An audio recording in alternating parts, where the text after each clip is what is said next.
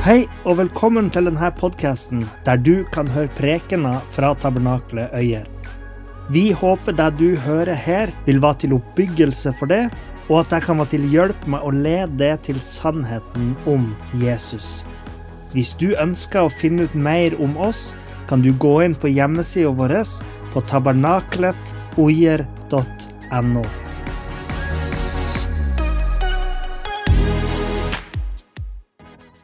vi har ikke fått grepet om hva, hva, Guds plan egentlig er, både for jødene og for oss som er hedninger, da, som er menigheten. Men når vi ser det i, i, en helhet, så forstår vi det mye bedre. Og jeg har tenkt av og til Vi er jo født inn i rom og tid. Og historien for oss i, vår, i, dagens samfunn den er litt sånn kortvarig. Det som skjedde for ti år siden, det er nesten så det ikke gjelder lenger. Men hvis vi løsrev oss fra det og tenkte at uh, vi er utafor tid og rom, så ville disse historiske hendelsene være som søyler og påler. De ville tale til oss, de ville stå der helt tydelig. Men fordi at vi er i dette hurtige, raske samfunnet, så rekker vi nesten ikke å få med oss og dvele ved disse herlige sannhetene som, som fins der fra evighet av. Og her sier Gud at for hele det landet, sier han til Abraham. Vi kjenner at Gud tok Abraham utafor teltet. Han sto der, og så sa Gud, se opp på himmelen, Abraham. Så mange som stjerner er på himmelen. Slik skal din slekt bli. Han hadde ingen sønner ennå. Og, og, og, vi kan lese om hvordan Abraham trodde Gud. Det står i, i Romerbrevet kapittel 4. Han tvilte ikke i, i tro. Han, eh, han, var helt sikker på at det Gud hadde lovt, det kom han også til å gjøre.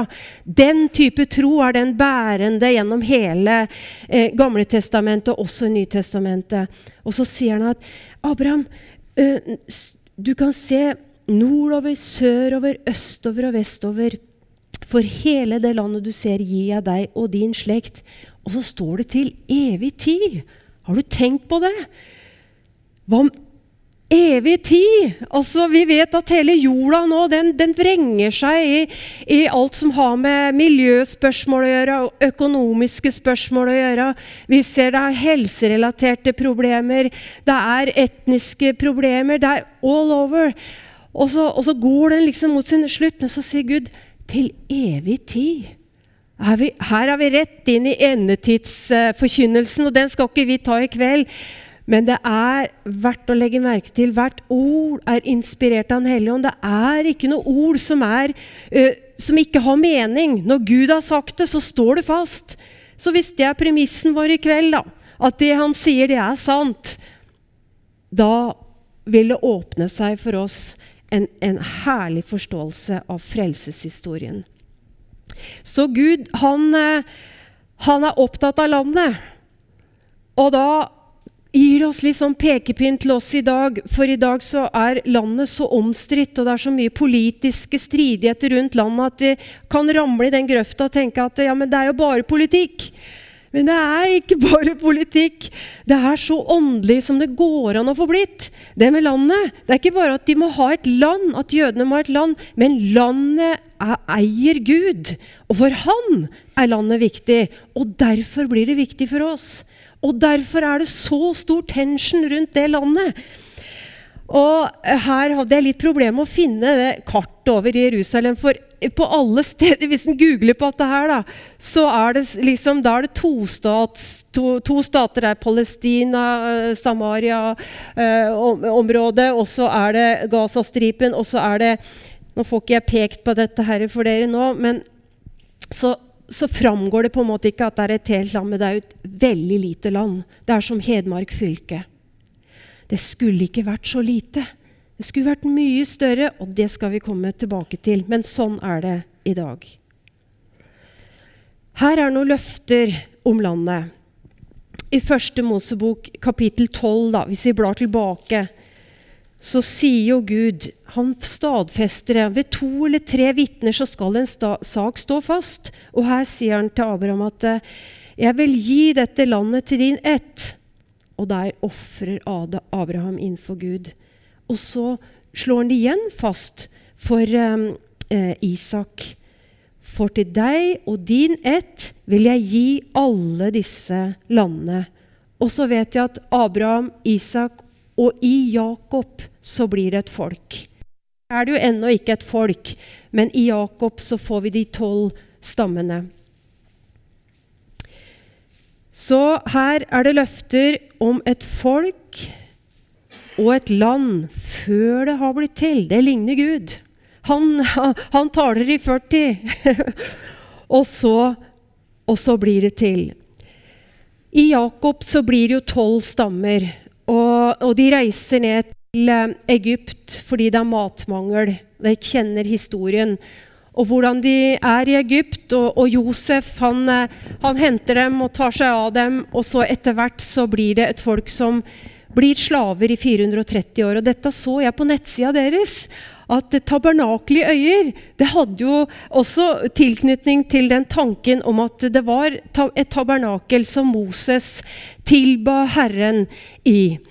Og, og folket de, de, er slaver, og etter hvert så reiser Gud opp Moses, som blir den mannen som tar folket ut fra slaveriet.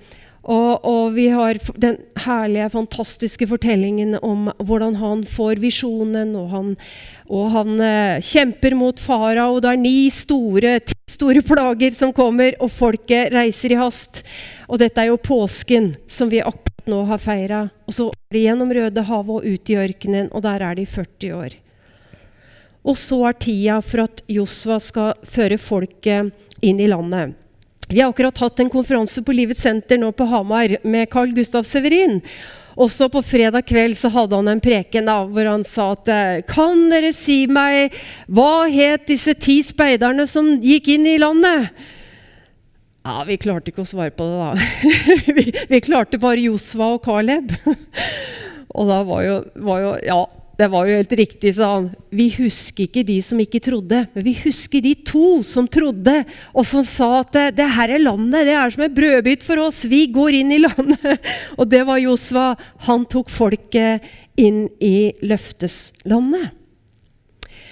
Og så står det her at området deres skal strekke seg fra ørkenen og Libanon til den store elven Eufrat, hele Tittenlandet og helt til store havet. Jeg tror det står i eh, Mosebok kapittel 15 enda mer spesifikt hvordan dette landet skulle være. Der står det fra 15 og vers 18 at på den dagen eh, sluttet Herren en pakt med Abraham og sa ta din slekt eh, til din slekt har jeg gitt dette landet fra elven i Egypt, altså Nilen, og til den store elven, elven Eufrat. Og fra Nilen til Eufrat så er det ganske stort område. Det er eh, gjennom Syria, og så er det en, en bit av Saudi-Arabia, og så er det Jordan. Og helt ut til Irak. Så det, det, det var eh, et, eh, et stort og fruktbart landområde. Men når Josva nå går inn i, i eh, det løfteslandet, så, så er det ikke uten kamp, da. Det, det vet vi. At eh, de måtte slå seg fram, og det var også meningen at de skulle innta landet og bosette seg i løfteslandet, som skulle flyte med melk og honning. Og de hadde det godt eh, lenge. Men så eh, Nå er det litt sånn historie. For eh, det, å forstå landet, hvor, den kampen på landet, det, det, det har vært fra første stund. Så Gud velger seg ut et folk som han sier det er mitt eiendomsfolk. Og det folket vil jeg åpenbare min herlighet på. Jeg vil vise dem hvem jeg er. Så det at Gud velger seg ut et folk framfor alle andre folk, det hadde med at han ville åpenbare sin herlighet. Han ville vise at han var trofast. Han ville forsørge dem med mat, med klær. Han eh, ville veilede dem og lede dem, og han ville ha tilbedelsen fra folket. Og gjennom det så forstår vi hvem Gud er. Det er jo helt fantastisk. Men de har jo betalt en kjempehøy pris. Men vi kan forstå hvor kjærlig Gud er. Og vi kan forstå at han er voldsom, mektig, at han er trofast mot det han sier. At han har store tanker at han ønsker at hele verdens befolkning skal bli frelst. Hvis alle eh, var frelst Umiddelbart så hadde vel ikke vi vært født da. Men det var ikke Guds plan. Han hadde en frelsesplan som strakk seg over mange tusen år. Så i hele dette eh, forløpet her så er det jo at det ti, de ti nordlige stammene de bosatte seg i Judea og Samaria, mens Juda og Benjamins stamme de holdt til i Jerusalem. Og det, de var flest. Det var flest av dem.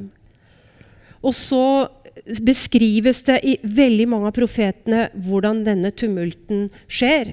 At de, blir, de nordrike blir inntatt. Og dette leser om Jesaja og Jeremia.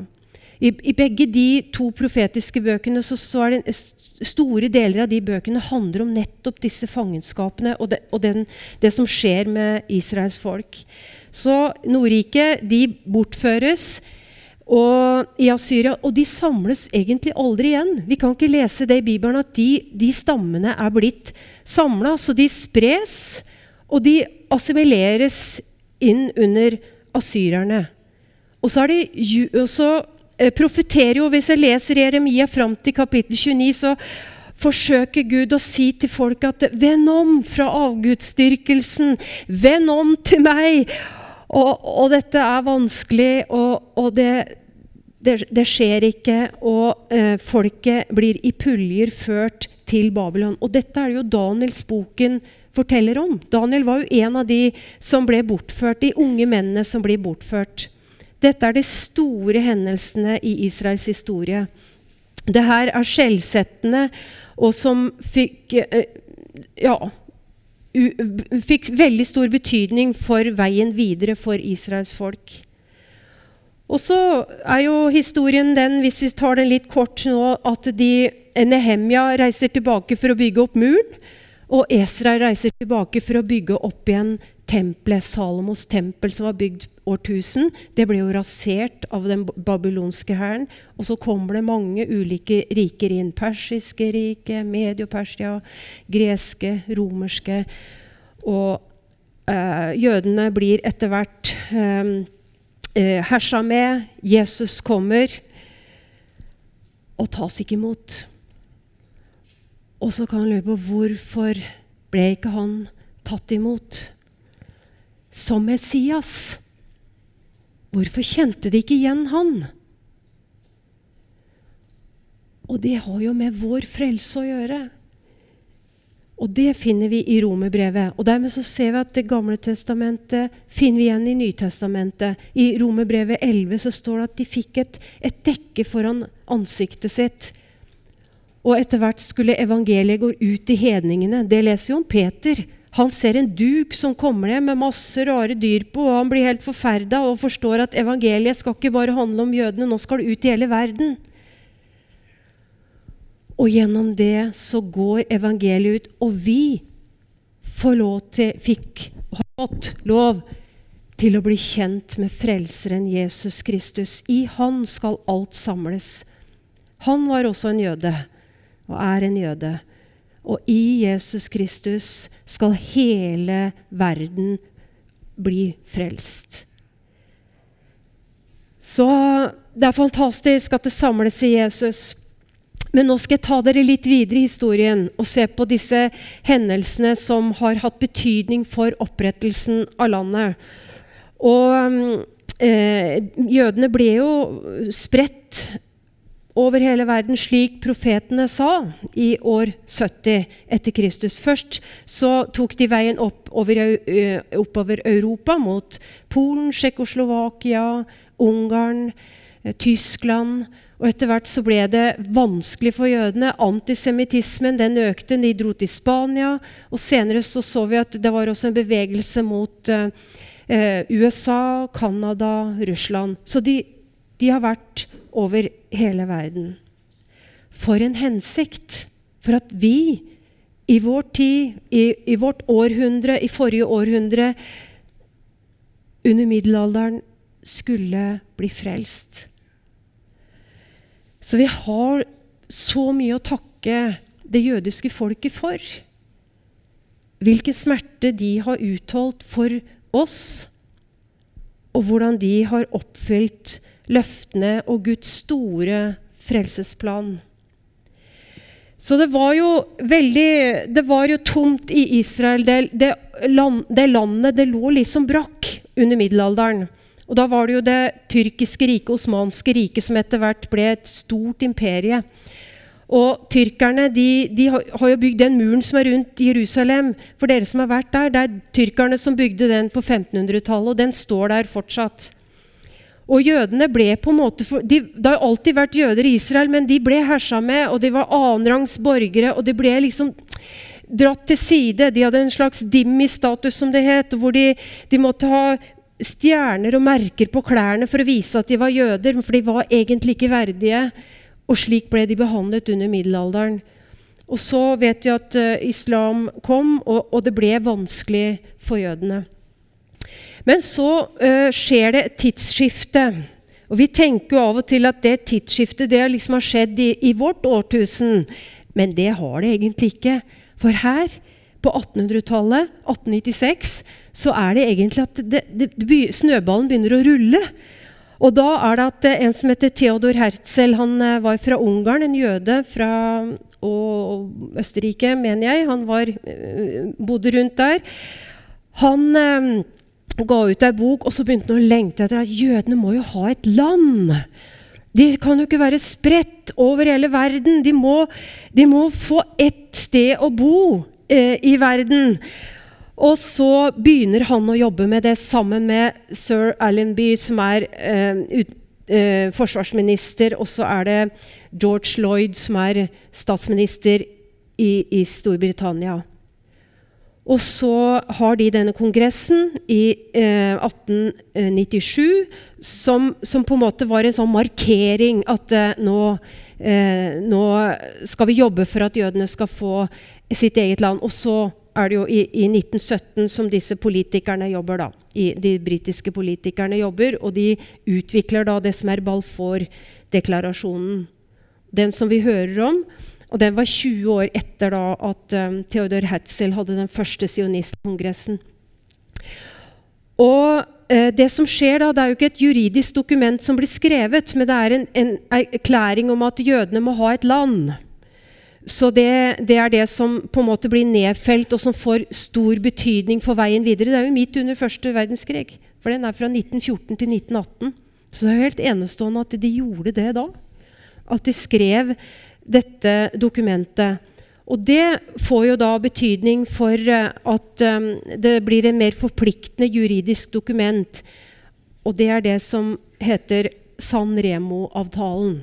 Så hvis vi Der var den. Hvis vi får med oss uh, akkurat den avtalen her, så er den veldig mye reflektert i eh, Dagen, Vårt Land, Israel i dag Altså den, den, har vært diskutert fordi at det er mange politikere på venstresida i norsk politikk som sier at den ikke gjelder lenger. Men den gjelder. Og, og i den avtalen som ble skrevet da i 1920 til 22, så uh, ble det uh, utviklet uh, en, en, plan for at Israel skulle ha et ganske stort landområde. Så hvis dere googler da på kartene, så ser en at det strekker seg over Jordan og, og store deler av Syria. Og så da er det at Storbritannia og Frankrike fordeler da landområdene for Jordan og Syria og Libanon og Israel. Så dette her er jo ikke gammelt. Det var i forrige århundre. Så ble de landa til. Og jeg tenker jo ikke så ofte på at, at, det faktisk er rundt andre verdenskrig. Og, og, i 1950 så begynner også en del andre land i Europa å bli etablert. Så den, den historien er forholdsvis kort, og en del eh, av oss har levd eh, under den tida. Så så her eh, er det en fredskonferanse, og de, de, eh, etablerer da Folkeforbundet etablerer da denne avtalen, og som etter hvert um, står seg, og den, den, står der i ettertid. Så når, når de kaller Israel for en okkupasjonsmakt, at de okkuperer eh, Samaria, Judea og det palestinske området, så er jo det ikke logisk. De kan ikke okkupere sitt eget land. De eier det landet. Det ble gitt dem. Folkeforbundet ble jo senere FN etter andre verdenskrig. Så det, det er nedfelt. Det er juridisk eh, erklært. Så, så, når en begynner å snakke om at er, eh, de, de, okkuperer og de bosetter seg ulovlig osv., så, videre, så så stemmer ikke det da med det som er nedfelt i denne traktaten. Så det er noen kan ta med seg videre som en forklaring. Det er ikke alltid like lett å forklare hva er hva i dette politiske livet, men, men sånn er det faktisk. Så, eh, så, det var en rettslig bindende erklæring. Og, eh, og, og, da kalte de det Palestina fordi at det var eh, Historisk sett så ble jo jødenes land kalt Palestina i år 134 etter Kristus. Filisternes land. Eh, Sjøl om det bodde jøder der hele tida. Men det klang litt bedre, slik at det ble, det ble et navn som ble brukt. Og så vet vi andre verdenskrig kommer, og, og seks millioner jøder blir gasset eller på annen måte drept under andre verdenskrig. Det er vel ingen, ikke noe annet folk som har lidd på den måten og blitt behandlet slik som de har blitt. Og eh, det som skjer da etter annen verdenskrig, det er at eh, Storbritannia og, og, disse landene, Frankrike, Spania, Japan, de, de, begynner å reforhandle om landområdene som var, utvist i første omgang, og så blir Israel beskjært, slik at Jordan og Syria og Libanon blir til. Og så, så det blir et litt mindre land. Nå skal du få trykke for meg. Og da er det at dette verset her blir veldig relevant.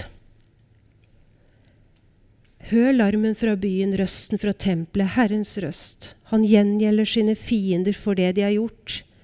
Før hun forrier, har hun født. Før smertene kommer, har hun fått en gutt. Hvem har hørt sånn, noe som det her? Hvem har sett noe slikt? Kan et land bli født på én dag? Kan et folkeslag komme til verden på et øyeblikk? Ja, vet du at det ble det. Dette verset gikk i oppfyllelse. 14. mai 1948 så ble det et land. Tenk, altså I flere tusen år hadde de kjempet for landet, og så blir det til! Hvilken tid vi lever i!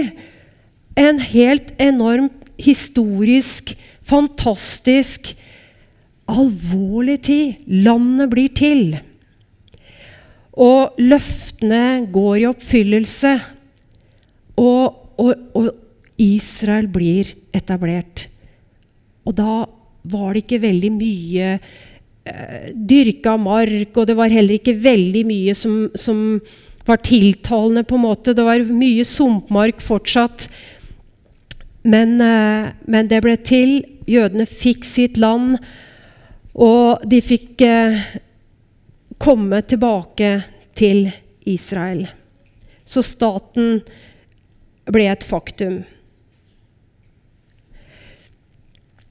Men ja, og her er jo det bildet her med både åndelig og fysisk kamp. Nå skjønner vi på en måte at så lenge Gud kjemper og står bak, så fins det en fiende som absolutt ikke vil at det landet skal bli til, fordi det har med frelsesplanen å gjøre. Så, så det har vært en sånn kamp for å utslette, forvrenge, propaganda for å snakke ned, for å pulverisere, for å så tvil om landområdene og retten jødene har til landet. Hele veien har det vært denne boksekampen. Og hvorfor det? Jo, fordi det vi, når det skjer, når landet ble til, så, så sa det oss noe om at vi er i en annen tidshorisont. Er, da skal du få trykke på neste bilde. Vi har kommet i en, i en annen tid i, historisk sett som er enormt eh, spennende. For vi nærmer oss endens tid. Når landet ble til, og folket skulle begynne å komme tilbake, så starter liksom en, en, en serie med ting. Og det er det som vi er midt oppe i dag, hvor vi merker vi er i starten av fødselsvenet. Matteus kapittel 24. Det, hvor, det, hvor, Jesus egentlig ramser opp en del ting som skal skje, hvor vi merker at jorda er Den, den vrenger seg. Det er som i fødselsveer, men det er bare starten på veene, sier Jesus. Men frykt ikke.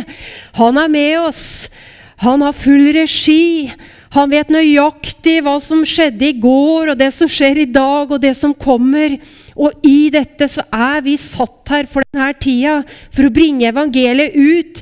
For at så mange som mulig skal bli frelst og finne Jesus og komme inn i frelsesplanen og oppleve den herlige, mektige frelseren som vi har.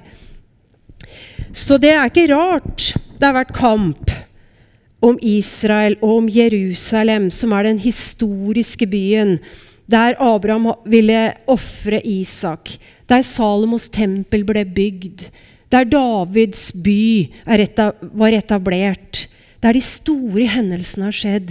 Så Jerusalem også har vært sånn knadd og pressa og, og hersa med og herja med av verdenssamfunnet ikke anerkjent som Jerusalems hovedstad. Tvert imot, det skulle være Tel Aviv. Det var først nå i 2017 at eh, Trump Det måtte en sånn mann til for å flytte til ambassaden til Jerusalem og anerkjenne Jerusalem som den rettmessige hovedstaden for Israel. Det er en oppreisning for landet. Endelig kommer Det er jo deres by, den hellige byen deres. Der ofringene har vært, der tempelet har vært, der, der på tempelplassen. Til og med tempelplassen ble tatt i år 600. To moskeer der. De får ikke lov til å være der og tilbe. Nå under påsken så, så, eh, vil, så har de jo lov til å det, Jeg tror det er fredagen de er oppe og får lov til å være på tempelplassen. Jødene er der og ber, eller kristne er der og ber. Og da ble de kastet steiner på, og det ble tumult. Og så får Israel adressert skyldspørsmålet. Så sånn er det stadig. Så hvorfor er det en kamp? Jo, for det er Gud som eier alt sammen. Og det finner vi her i 2. Mosebok 1905. Her sier Gud til Moses og folket.: Hvis dere adlyder min røst og holder min pakt, skal dere være min dyrebare eiendom framfor alle andre folk for hele jorda er min. Og så sier han, jord må ikke selges for all framtid, for landet er mitt. Og dere er fremmede og innflyttere hos meg. Dette er vanvittige vers. Men sånn er det. Det er Gud som eier det. Det er han som har, eh, som har eh, regien. Det er han som bestemmer. Og folket kan buldre og, og holde det gående. Men Gud sier at eh, han ler. Det er han som har eh, bestemt hvordan hendelsene skal skje framover. Landet det angripes. Så etter 1948 så har det vært mange kriger. Rett etterpå så ble det angrepet. Tenk på det. 6000 jøder blir drept, og jødene endelig får sitt land. Det er forminsket fra det som var planen, men de er glad for at de får det. Men de har omtrent ikke sagt god natt 14. mai før de angripes av Jordan og Egypt. Og da tar Jordan en del av Jerusalem. Og så annekterer de Golanhøyden. Og Israel er igjen skviset. Og så har vi seksdagerskrigen. Da tar riktignok eh, Israel tilbake en del av Jerusalem. Og så har vi disse krigene, intifadaer. Vi har masse raketter som skytes. Det er steiner, det er murer som er laget for å beskytte folket, fordi det er mye uroligheter hele tida. Så det er litt å leve i. Men de er på en måte De er trent, og, og de er godt utrustet. Og det vi ser i dag, det er eh, Da skal vi ta neste bilde. Det er at de er et av de aller mest velutrustede landene i verden. Jeg er jo litt inne i dette med medisinsk teknologi, eller, eller jo i, i helseutdanninger. Altså vi ser at Innenfor forskning er de helt suverene. Medisinsk, teknisk utstyr de er helt i front. Eh, forsvar og, og militært de er så utrusta at de er helt i verdenstoppen. Under pandemien var de noen av de første som vaksinerte, bl.a. De, de er langt framme, utvikler hele veien. De bruker vann, uh, vannteknologi, altså saltvann som omdannes til ferskvann, som uh, svært få andre klarer. Jeg tror Brasil, er, som mangler vann, skal er, er, i dialog, og, og, kanskje allerede er der at de bruker den teknologien. Um, de har, uh, freds, de har uh, nobelspriser en masse. De er flinke. Veldig flinke. Så når verdenssamfunnet har trykka på dem, så har de liksom brukt det som en plattform for å bli enda bedre. og så har de blitt pressa igjen, og så har de bare seila opp enda et hakk. Sånn har det vært. Så det folket er utrolig uh, fantastisk. Så um, dette er de mange angrepene på Jerusalem, da. Og, så det er eh, enestående, men det står der fortsatt. De historiske monumentene og, og alt er der. Og det, det, er noe eget å komme til Israel og, og, gå der vi vet at Jesus gikk. Og jeg tenker la, la Israel bli en del av deg. Ikke en teori, men dette er jo ditt. Det her er også ditt land. Det er ditt folk. Du har knytta til folket. For Jesus er din frelser. Han er jøde. Så når det blir liksom sånn at å, det som skjer med Israel, det blir også noe som skjer med meg. Og fordi det har noe for Jesus. Og det er min far som har bestemt og tenkt, og som ønsker noe både for folk og landet da blir det noe som betyr noe for meg. Så når den liksom ramler ned, da kjenner vi åh, det her, det her er mitt liv. Det er min arv. Det er min framtid. Jeg vil være for alltid, og du også, knytta sammen med folket. Vi tar neste bilde. Så folket, det fikk en status. De skulle være eh, velsignet framfor alle andre folk på jorda. For at Gud skulle uh, utvi, vise hvem han er, elske dem, velsigne dem. Så folk omkring skulle se at de var i en særstilling, de som tilba Faderen. De tilba ikke Astarte og alle disse andre gudene, men de tilba Gud, Far, som sa 'Jeg er'. Så um, folket har vært, og er fortsatt, eh, Guds øyensten. Så det har ikke opphørt å være det. tar vi neste bilde. Og det er fordi at de fikk et kall, og det er at de skulle være en velsignelse for verden. Og det er det Paulus legger ut i, i Romerbrevet 11, for da spør han har Gud forkasta sitt folk. Og så svarer han sjøl på det spørsmålet. Det er liksom et sånt kjempe, litt, litt krast uttrykk. Har forkasta det. Borte, sier han. Det, det, er jo ingen mulighet for at han har gjort. Og så bruker han metaforen her med at det er som et tre hvor røttene er djupe. Israels historie, som vi nå har snakket om, det er jo røttene på dette treet som synes i dag, hvor Jesus er eh, en del av eh, Han er også jøde, og, og i, i, Jesus er hele verden frelst. Altså frelsen, dette treet som representerer da frelsen. Og hvor jødene er rota, og som bærer greinene. Og vi er hedninger som har podet inn på det treet, står det. Så vi kan jo ikke si at vi er noe bedre enn rota og treet. Vi kan jo sage av den greina, og da ramler vi utafor. Men vi vil være på det treet, for det er der sevjen og velsignelsen er. Gud skal velsigne Jerusalem. Han vil velsigne Israels folk. Og hvor ser vi det? Jo, åpenbaringsboka. Jerusalem er smykket som en brud.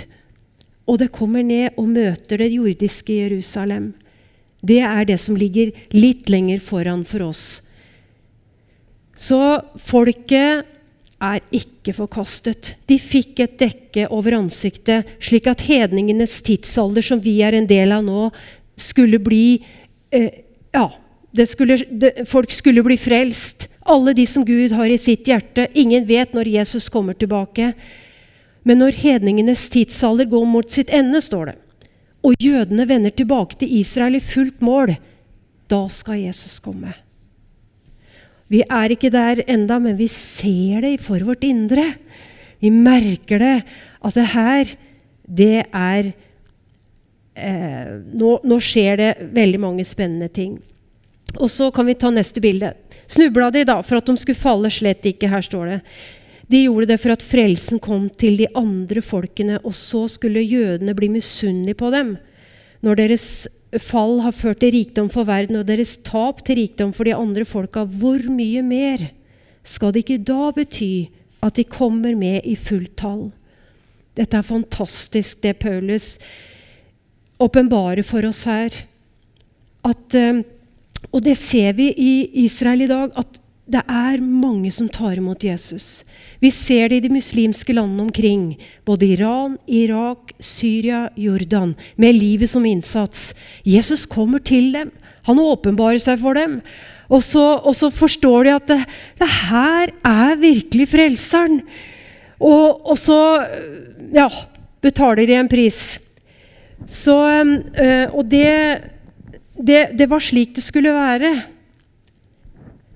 Og, og, så ser vi at nå er det veldig mange også jøder som å, merker at Jesus, han er Messias. Det står jo i Zakaria at de skal gråte sårt eh, framfor han som de har gjennomstunget. Så vet vi ikke om det peker nå på disse sju åra og i slutten av disse sju trengselsårene eller om det er før Jesus kommer tilbake. Men de skal uh, se det. Og mange av dem er så Det er så fantastisk med jødene. De kan Skriften. De har lest den. De har bedt den. Og, og, og det er en del av barnelærdommen. De er fostra med Guds ord. Og de bekjenner Guds ord. Det, finnes, det er som en del av dem. Det er som, som ryggmargen.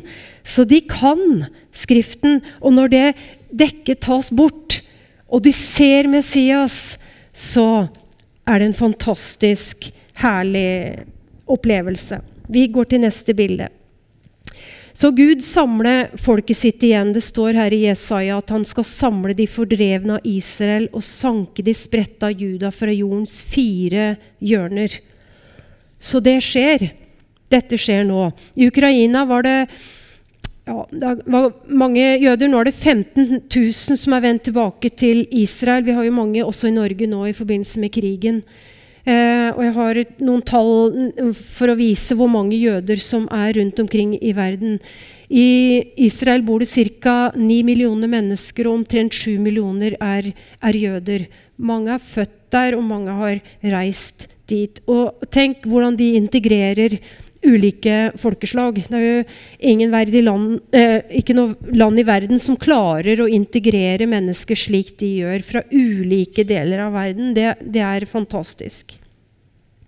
Det siste det er dette med paktene. Og så skal vi snart gå inn for landing. Vi tar neste bilde. Ja, der har vi det. At eh, Gud inngikk en pakt med Abraham.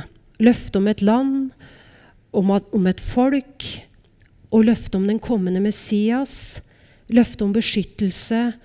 Og så inngår han den pakt med seg sjøl i første Mosebok kapittel 15, hvor, det, hvor, han legger disse kjøttstykkene mot hverandre, og, og ilden går i, imellom. Så her, 1750 år før Kristus, så etableres den sannheten. Og neste bilde det er at det er en, en evig pakt. Det sier han her i første Mosebok 17. Så hvis vi kutter ut Gamletestamentet, så har vi kutta ut en veldig viktig altså, Det går nesten ikke an å gjøre det som kristen. Vi, vi må se Guds plan allerede fra første Mosebok kapittel 3. Og, og, her sier han at eh, slekta der, Det opprettes en evig pakt med dem. Så det er inn i evigheten, det. For evig må jo være evig. Det er ikke bare knytta til vår fysiske verden her, men det har også betydning for det som kommer. Så, så han vil gi etterkommerne til en evig eiendom, står det her. Vi går til neste bilde. Og så er det at uh, Gud inngår jo også en pakt med Moses.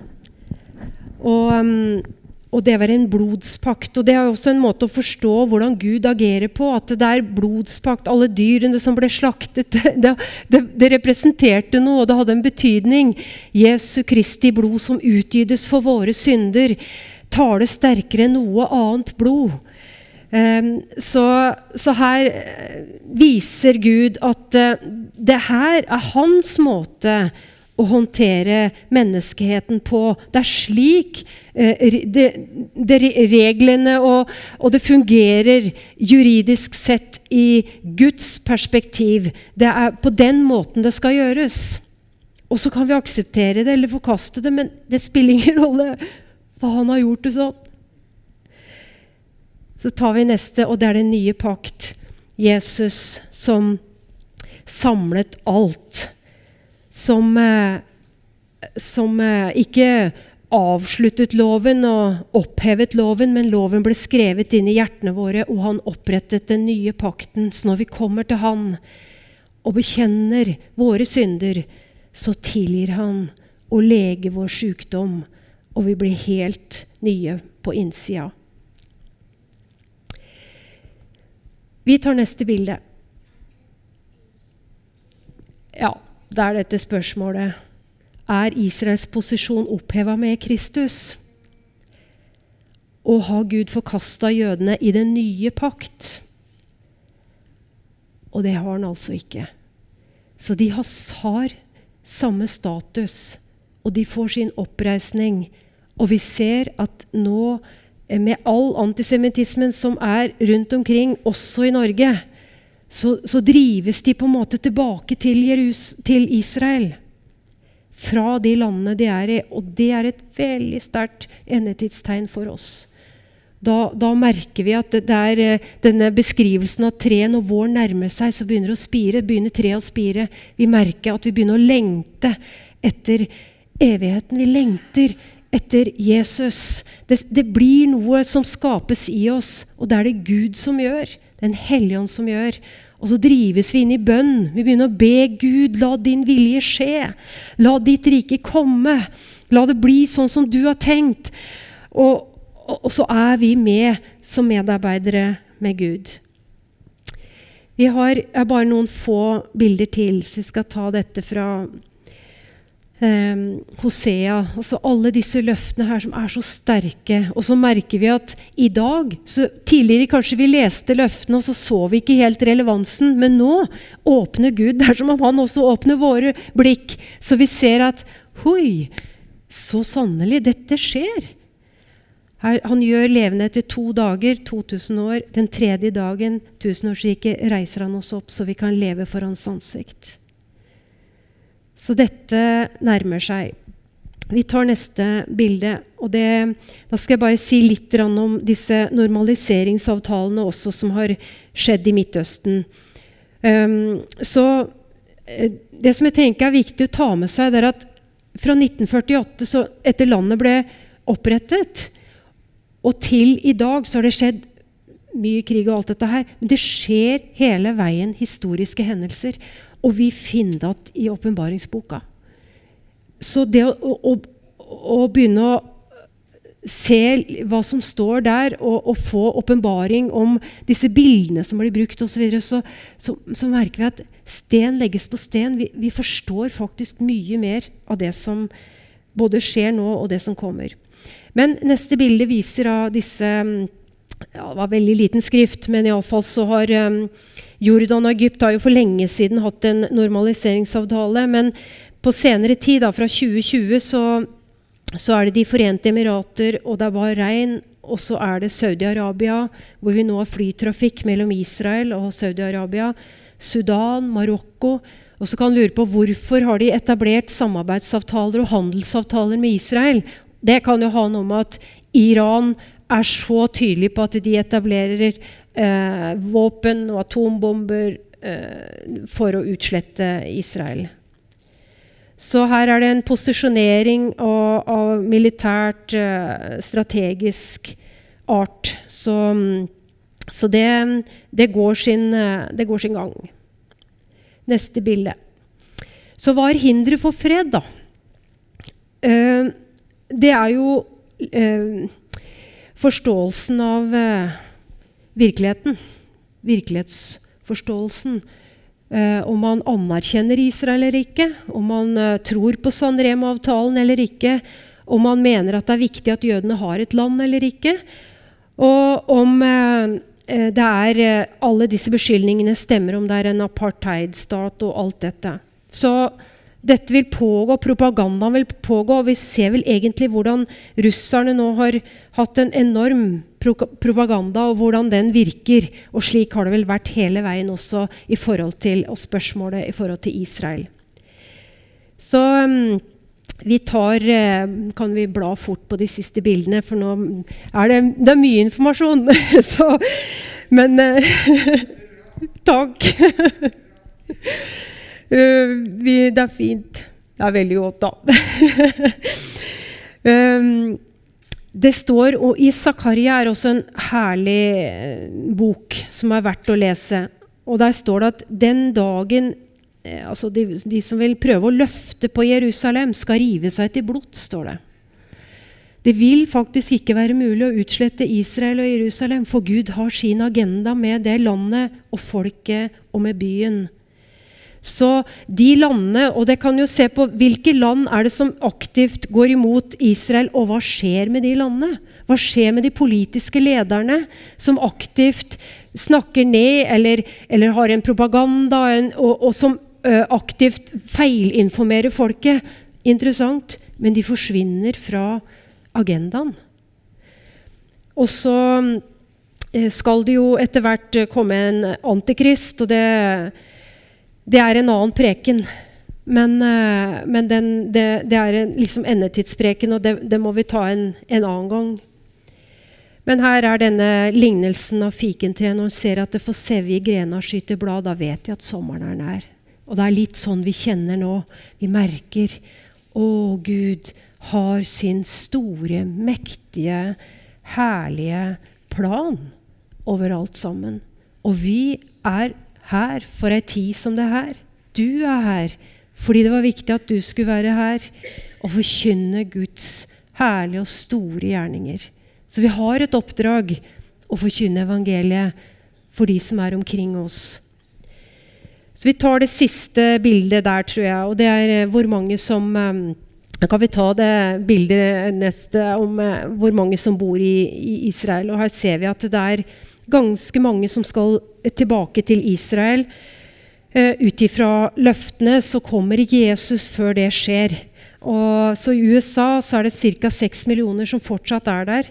Og Frankrike der er det er ganske vanskelig for jøder. Det er veldig mye antisemittisme.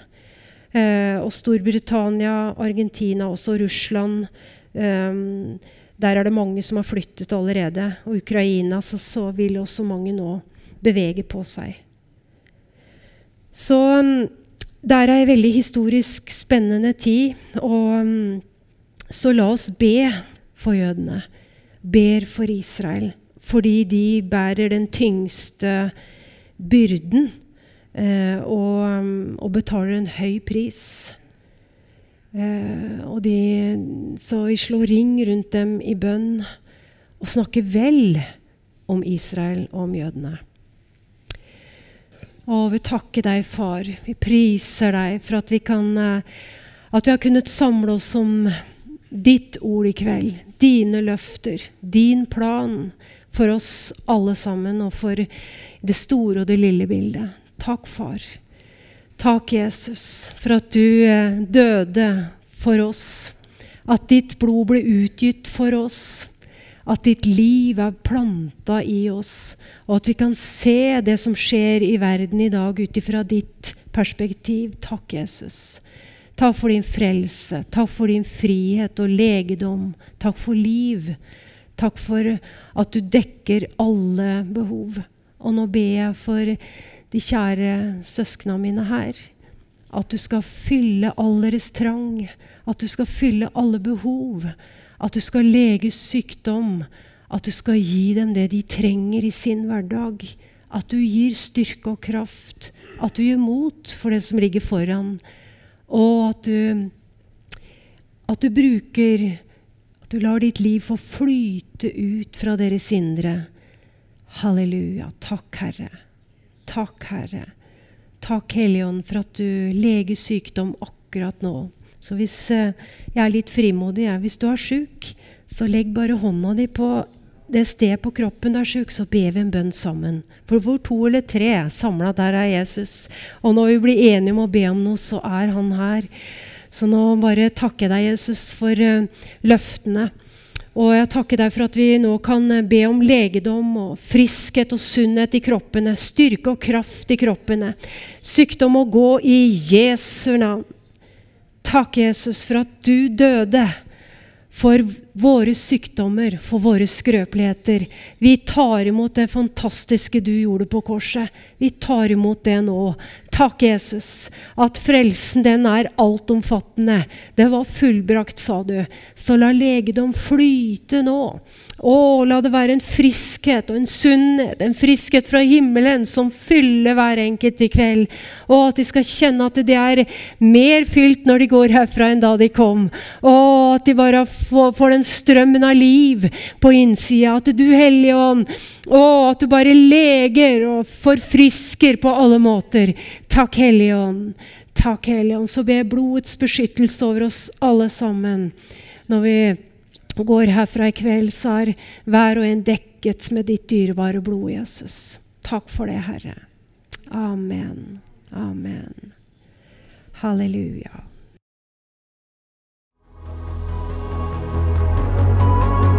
Takk for at du hørte på.